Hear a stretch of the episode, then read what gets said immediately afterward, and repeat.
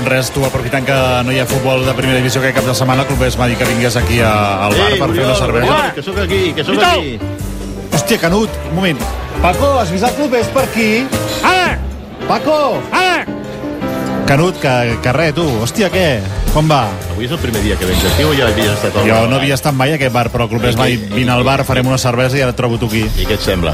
Bé, no està bé el bar, però veig que, mira, encara hi ha prou ambient, no? Per, per no... va, va, va, va, la Això és flu- està- és està- avui, la l'ambient, aquí? fluixeta, La cosa està fluixeta perquè saps que el culer, quan no hi ha futbol, quan no juga el Barça, eh, és, bueno, el que acabo de dir, quan no hi ha futbol, i de fet hi ha futbol perquè juguen les seleccions, sí. hi ha jugat Holanda i ha de jugar l'Artur, i, i ahir va jugar la selecció espanyola, però pel culer això no és futbol. Això d'aquestes pauses Champions. a cada mes, eh, perquè ja n'hi va haver una fa poc, ara eh, aquest cap de setmana, d'aquí 3-4 setmanes, torna a haver-hi una aturada, per tant, això aquí al bar es deu notar també. Tu creus que s'ha d'aturar quan s'ha el campionat i el primer trimestre s'ha d'aturar tres vegades el, el campionat? A mi s'ha no d'aturar. Tres vegades la Lliga? Eh. Bueno, l'únic que surt beneficiat és el club és que s'agafa algun cap de setmana Sí, lliure, eh?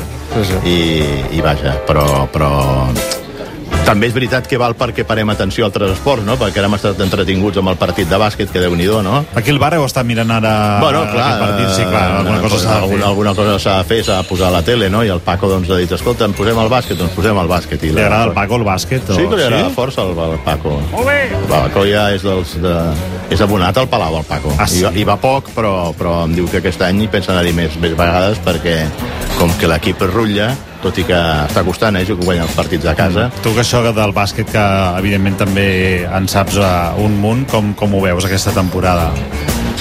veig que és molt difícil compatibilitzar la- la- l'Eurolliga amb la Lliga CB, perquè estem parlant de l'Eurolliga, que és després de l'NBA indiscutiblement la competició més important que hi ha a nivell d'equips, de, de, d'equips, de clubs, però després és que a nivell domèstic la millor lliga que hi ha a Europa o la millor lliga que hi ha més enllà de l'NBA és l'ACB, no? I, i, i fixa't tu, el Barça estava divendres jugant un partit a Sant Petersburg. Mm. Ara, diumenge, una altra vegada eh, jugant aquí al Palau contra el València.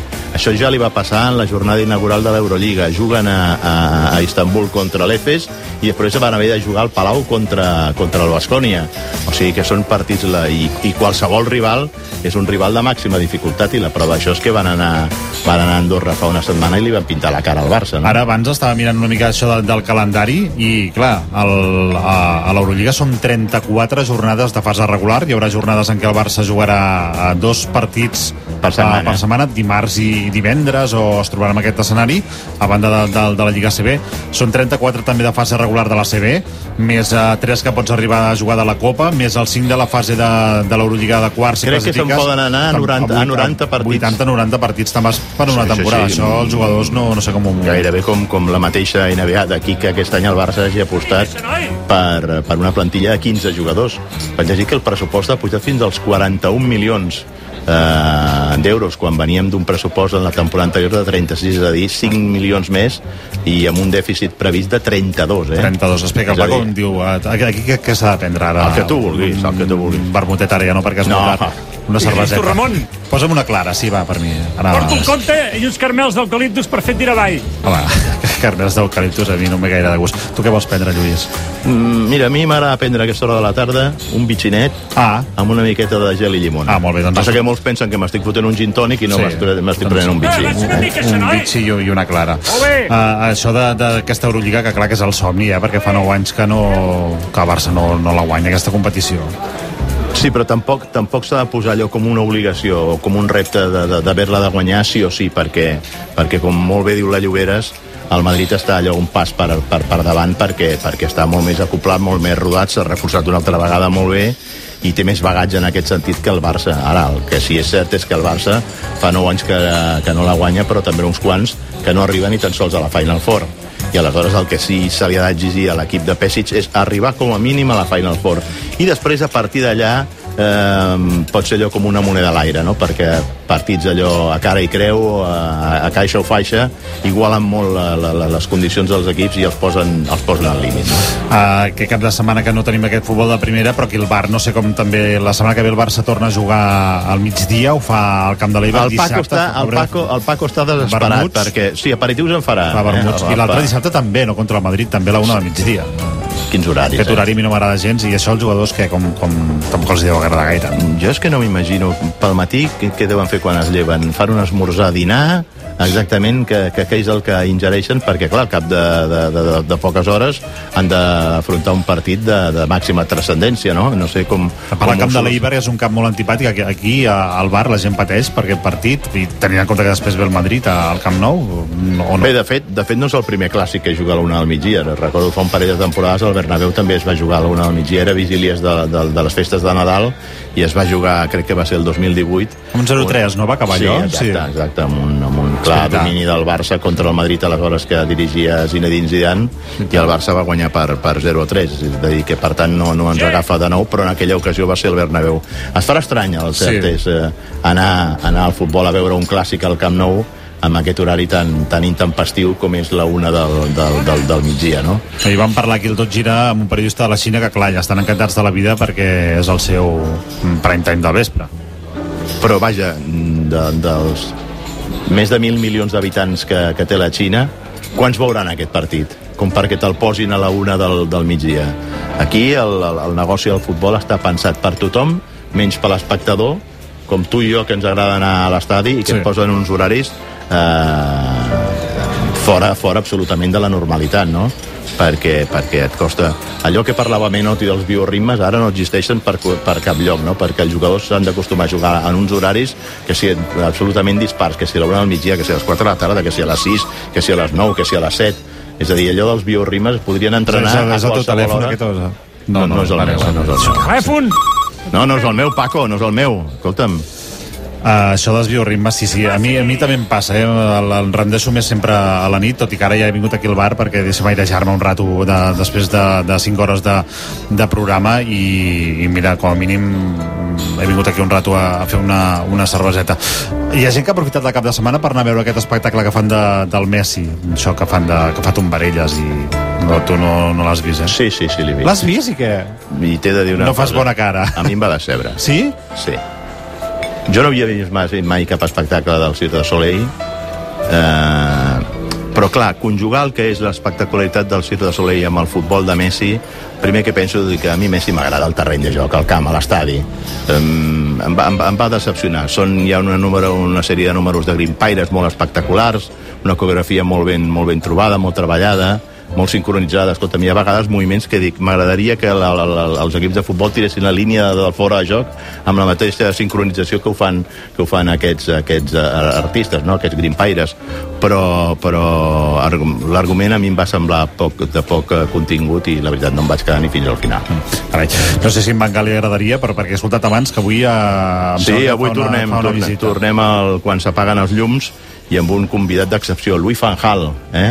Que el Explicarà coses que no se saben. Explicarà algunes coses eh, certament desconegudes, eh, com per exemple alguns ja el van advertir dels problemes que podia tenir amb Cruyff quan, quan va arribar com a entrenador del Barça, tot i que havien tingut una bona relació anterior, però, però després les coses no van anar com, com havien d'anar en el sentit de que Cruyff estava en una guerra oberta amb Núñez i com que Van Gaal era un home que, que òbviament eh, estava diguem a disposició i en sintonia amb el president del club que, que el pagava i que l'havia contractat doncs el va distanciar en aquest sentit amb, amb Johan Cruyff i es va trobar amb dures crítiques per part d'un compatriota que ell, que ell no, no, no, no, no esperava no? i després doncs veurem un Bengal íntim amb qüestions personals com el va afectar la mort eh, prematura de la seva primera dona etc etc etc. Un Bengal bastant humà, molt humà, diria, i que sempre he dit el mateix, que és una persona que en la distància curta guanya molt, tot i que el seu posat eh, allò autoritari doncs a vegades eh, feia que moltes persones els hi fes un pèl de, un pèl de Clar, això davant de, de la gran opinió pública, això el condemnava, no?, de vegades aquest posat tan, tan seriós, no? Sí, clar, no, no, no és un personatge empàtic. Jo sempre he dit una cosa. Per anar a dinar o a sopar era encantador Johan Cruyff. Com a mi que em quedo un Bengal.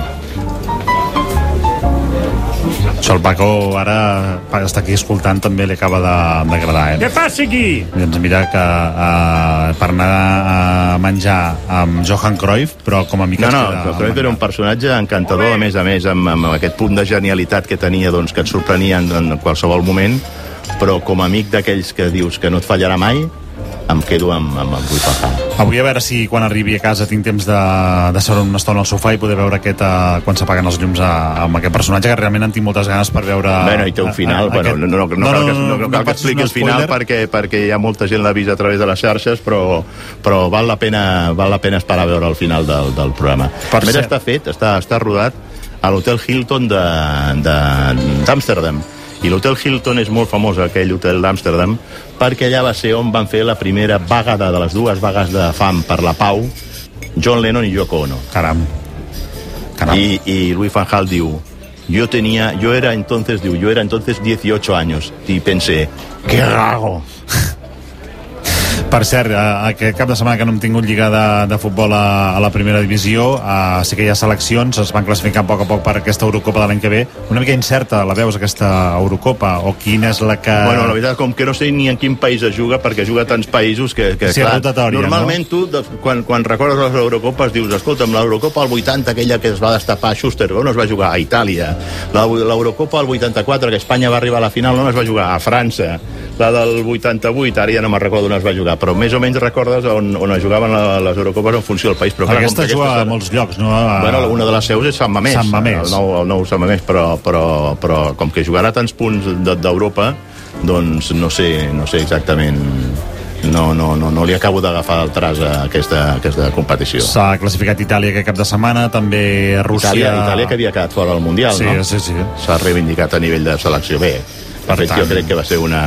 Uh, hauria d'entregat la, la FIFA una mena de will car a Itàlia perquè un Mundial sense Itàlia no és un Mundial. Eh?